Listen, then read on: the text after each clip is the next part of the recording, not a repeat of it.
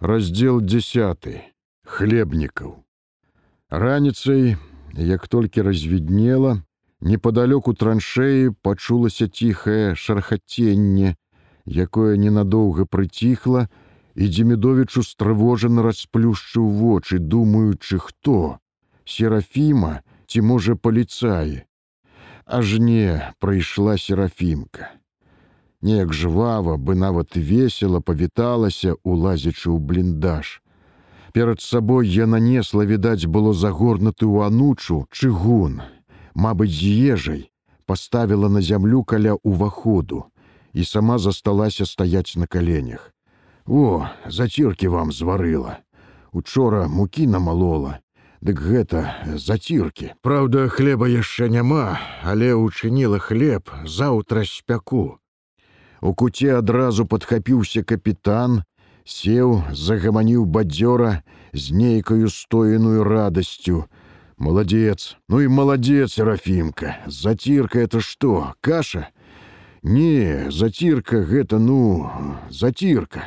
Зараз паспытаеце. Ну што ж, ну што ж, паедзім, а то прызнацца, проголодались.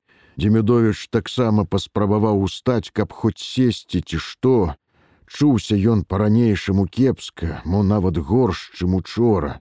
Ноччу ў яго быў жар. Біла дрыжыка, а пад ранак цела аблілося сцюдзёным потам, і ён, трудна дыхаючы, пластом ляжаў на плашчы. Побач рухавай моўчкі ўскочыў немец, сеў, праціраючы заспаныя вочы. У бліндаж з траншеі з-за спіны серафімкі цадзілася скупое святло хмарнага ранку. Але ж во лыжка адна пабедавала серафімка, можа, у вас ёсціка. Чорта з два сказаў капітан, чего нет, того нет. Дземідович лежачы таксама пакруціў галавой. Тады немец, мабыць, зразумеўшы іх клопат, спрытна шаснуў у бакавы кішэнь свайго кіцеля і выцяг адтуль белую лыжку, шарнірна змацаваную з такім жа белым відэльцам. Біта ён працяг яе дземідовічу, але той адмоўна крутнуў галавой: Хай есть сам. Немец не настоиваў, прысунуўся бліжэй да чыгуна, але не зачэрпваў загусцелую зверху зацірку, чакаў, Серафімка заклапацілася каля капітана. Дык як жа гэта, ці вы возьмеце самі? А ну, а ну, сказаў капітан, адной рукой узяўшы укладзеную ў яе серафімкай драўляную лыжку, а другой слепа мацаючы берагі чыгуна, што стаяў каля ног.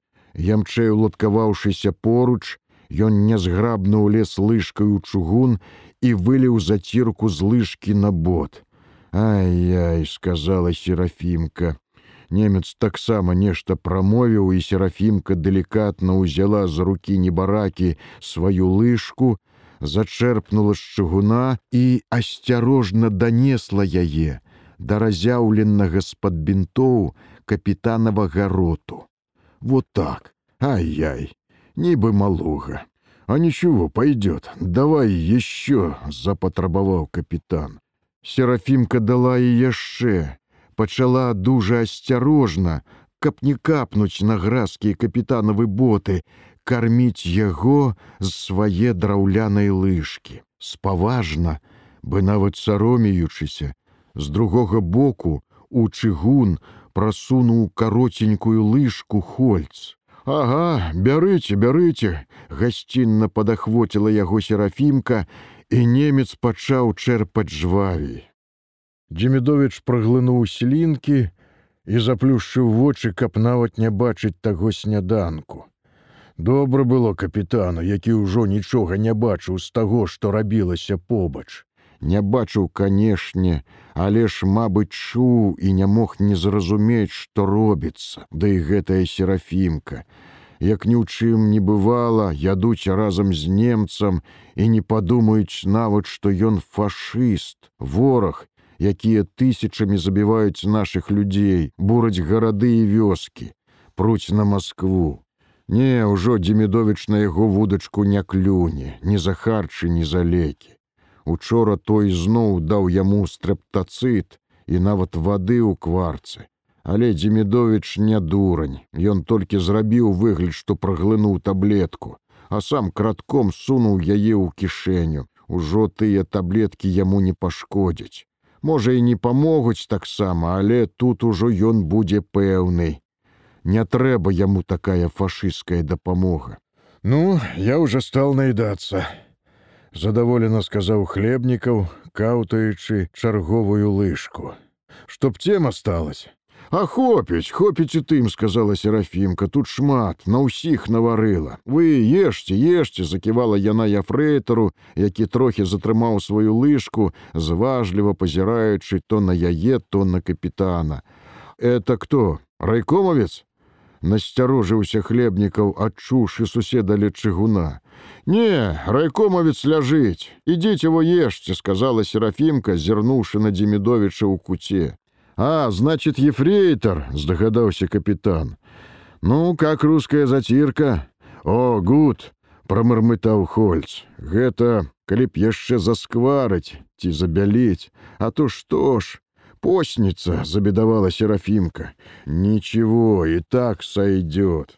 Хлебников задоволенно отхінуўся до земляной сцяны бліндажу, сапраўды пад'еўшы ці можа робячы выгляд, што сыты. Ля чыгуна працягваў няўмела сёрбаць яфрэйтар. Демідовіч жа нерухома ляжаў на спіне, трохі прыкрыўшыся плашчом і серафімка сказала: « Дык чаго ж вы не ясцё? Лыжка ж ёсць. Я пасля буркнуў Демідович, як ваша прастуда, ці лепей крыху. Мабыць, не лепей. Ой, забылася, кажух жа вам трэба прынесці. Было б добра кажух, а табачку не таго, не расстарались, ціхім голасам зважліва попытаўся хлебнікаў. Ой, дык няма ж, хадзіла па гародах няма нідзе і самасейкі, спахапілася серафімка. Да, ну што ж, патерпім. Правда, эфрейтор, я-я з готовнасцю азваўся Хольц. Але той, мабыць, таксама насёрбаўся заціркі і неўзабаве ўзяўся абціраць кавалкам бінту сваю белую лыжку. Тады да чугана знямогла прысунуўся Дзімідович. Зацірка для яго была не навіна. Ён добра ўведаў яе смак у сваім галаднаватым жыцці. Але, мусіць, хвароба панішчыла ў ім адчуванне голаду, і цяпер больш трох лыжак ён з'есці не мог. Ужо колькі дзён не лезла ў горла ніякая ежа, не пайшла цяпер і зацірка. Усё, больш не магу. Ой, дык як жа вы без яды гаротна зморшчыла тварак серафімка. Хай вунь той, даядае, кіўнуў Дзімідович на немца, і серафімка спытала: можа і праўда, да ясцё. Я фрэйтар надзіва зразумеў і зноў з гатоўнасцю дастаў сваю лыжку. За некалькі хвілінаў ён зусім апаражніў чыгун, рэшту старанна выскраб па берагах, мусіць, не трэба было і адмываць. Ну і добра задаволена сказала серафімка, пайду кажух вам прынясу. Ці можа ўвечары, Холера на их, каб на полициянтов не налезьте. Ни в коем случае, слышь, Серафима, насторожился капитан. Так я ж понимаю, что ж я малая, вот-вот, иначе всем крышка, и тебе не поздоровится. Я ж аккуратно, оглядаюся усё, каб нигде никого. Правильно, спасибо тебе, милая женщинка, проникненно вымою у капитана и У серафімкі прыкметна заружавеліся шчокі. Мусіць, хвалілі яе нячаста ў жыцці, тым болей незнаёмыя мужчыны, і цяпер тая капітанова пахвала сапраўды кранула жанчыну. Серафімка загарнула ў анучу пусты чугун і, прыгнуўшыся, полезла да выхаду. За ёй трохі шчакаўшы, выбраўся яфрэйтар. Хлебнікаў, штосьці засяроджана думаючы, сядзеў пад сцяной. У бліндажы ўвогуле было не холодна, толькі часам з траншеі павявала ветрам, а так было зацішна і трохі трымалася накопленае за ноч людское цяпло. Застаўшыся ўдвох, Дзімідович павярнуў галаву да капітана. Ён куды, кто? Немец, выйшаў куды. А хоць бы куда, нам какое дело, не надта зважліва адказаў капітан. Вы не боитеся? шчакаўшы запытаўся Демидович. А чего мне бояться? Чего уж мне-то бояться? З горыччу загаманіў капітан. А што выйдзе гранату сюды, ці з пісталету? Зачем? Зачым? Ну, ведаеце, немец усё ж таки. Да черт с ним, что немец, вылаяўся капитан. Какой ему смысл гранату? Он бы мог меня из пистолета в первую же ночь. Но ведь не застрелил. Наверное, нет интереса. Сам в западне. И он, и я, и ты тоже. Разве непонятно? Демидович змоўчыў. Ён не хотел продолжать такую размову, бо, мабыць, капітан адмаўляўся зразумець простыя рэчы. Цяпер, аднак, не час быў тлумачыць іх гэтаму упартаму чалавеку. Іхнюю размову мог пачуць немец, калі ўжо не пачуў з траншеі. Калі я фрэйтар неўзабаве вярнуўся, яны моўчкі сядзелі на ранейшых месцах, бы і не размаўлялі. І немец бадзёра сказаў да капітана жартоўна поцяраючы делікатныя пальцы ну будем немножко лечить посмотреть ваш глаза. Больно? Ничего сносно. Может обойдется слушай ефрейтор ты бы лучше табачку раздобыл ну пук-пук понимаешь сигаретку цигаретен Никс цигаретен развел руками я фрейтор, а ты поищи, может, где убитый, понимаешь, а? Эфрейтор нахмурыў белы лоб под пілоткай, падумаў і ляснуў сябе па сцёгнах. Хорошо! Хольц идет посмотреть. Сходи, да, а вот где-нибудь попадется, а то, понимаешь, уши пухнут, так курить хочется. Сгрэбши з долу сваю плаш-палатку, я фрейтор вылез у траншею. З бліндажу было бачна, як ён там спярша агледзеўся у адзін бок, затым у другі, і хутка знік недзе. У бліндажы зрабілася ціха і было чуваць, як дзесь ля ўваходу шаргацеў быльнягом ветер. Вы думаете, ён не разумее по-руску, тихо сказал Демидович. Кто? Немец? Вполне возможно, кое-что понимает. Дык як жа так, чагосьці не мог сцяміць Демідович. Яго болей абуралі зусім безуважныя адносіны гэтага капітана да ворага і Демідовича цягнула распачаць сур'ёзную размову. А что? Как же? Он, может, мне курева принесет. Ты же не принесешь, правда? Лёгка гаварыў капітан. Ён можа паліцыю прывесці, або сваіх. Ну и черт с ним, если такой. Или за свою жизнь очень переживаешь? Нечто зразумеўшы запытаў капитан. А вы не переживаете? Я не переживаю. Я уже все пережил к твоему сведению. Але гэта не прычына для страты пільнасці. Чего, чего? Пільнасці? Ну, бдительности. Тыя Дземідовічавы словы відавочныя, як мае быць, укалолі капітана, Ён рыўком подняўся и сел под сцяной. О чем вспомнил? Где же вы такие бдительные раньше были, как в Кремле с Риббентропом целовались, а? Капитан гэтак нечакана пераходзіў на рызыковыя словы, што Демідович унутрана паморшчыўся, Ён такіх размоваў не любіў, ад іх заўжды веяла небяспекай перш чым адказаць ён трохі падумаў, але адказаў, мабыць, так, як і належала адказаць у такіх выпадках. Калі цалаваліся, дык, мабыць, такая палітыка была у інтарэсах дзяржавы. Это какой державы, не нашей ли? Ну, конечно, нашей. Ах, нашей. Вот теперь эти интересы боком и вылезают через тех умников. Не лечите, что там дурнейшие за вас. Я не лечу. Наверное, поумнее. Но вот какое дело. Почему при их уме немцы под Москвой топают, а? А я здесь валяюсь слепой. Теперь они что мне, свои глаза вставят?» Демидович молчал, лежачы ў сваім куце, а хлебніка ўжо легче не мог. Мусіць, Демідович наступіў на яго набалелы мазоль, і ён загаварыў бадай з адчаем у голасе. Бдительность. на глазах всего мира Гитлер обдуривал. Этого не видели? А теперь, когда стало видно, с кого взыскать? Он же безгрешен и гениален во веки веков. А Красной Армии отдуваться за эту его гениальность. Своей кровью смывает его всесветную глупость, чтобы он был безгрешен и величественен, как всегда. «Вы гэта пра каго?» — з жахам абмёр Демидович. «Про кого? Знаешь, про кого?» «Ну, знаете», — сказаў Демидович і змоўк. Ён быў абураны і амаль збянтэжаны, такога ён не чакаў.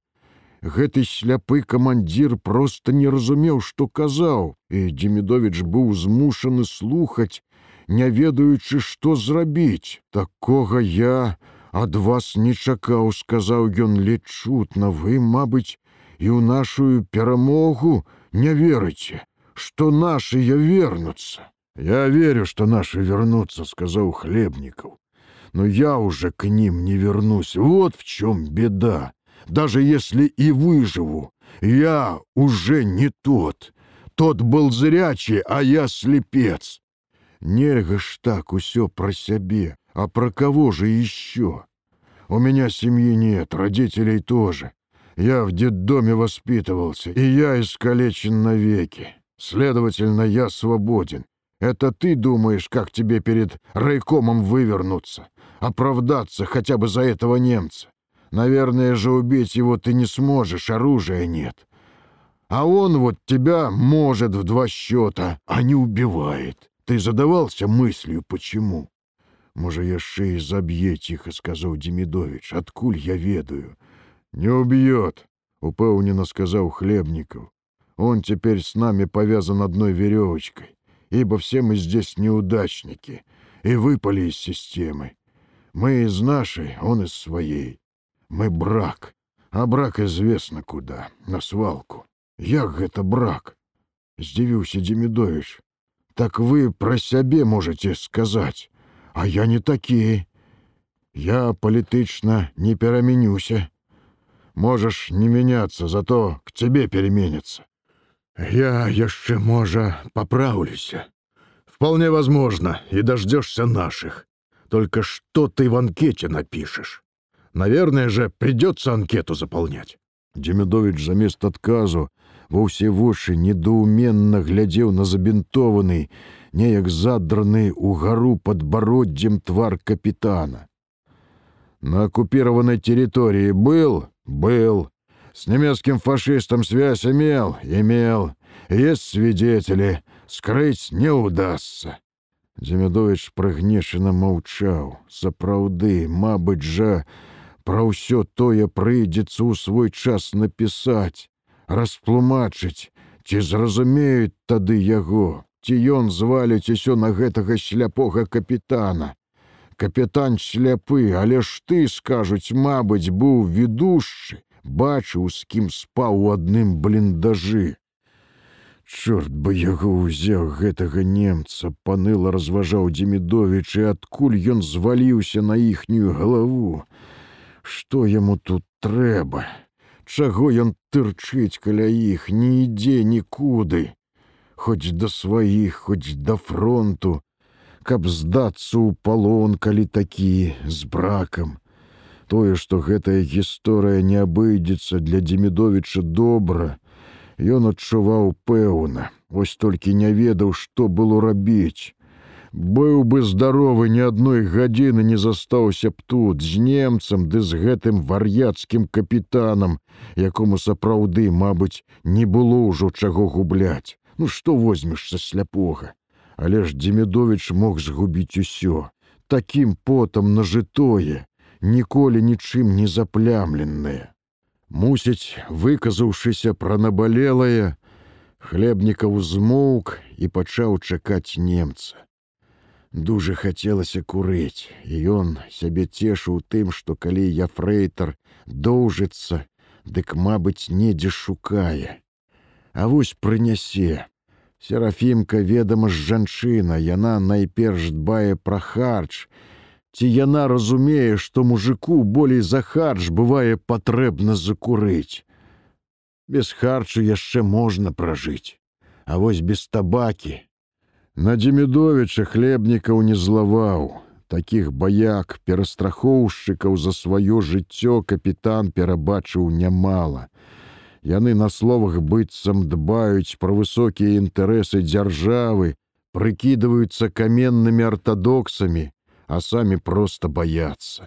Хіба ён сам усё жыццё быў не такі, мала баяўся. Зрэшты, час ад часу палохалі добра, было чаго і баяцца.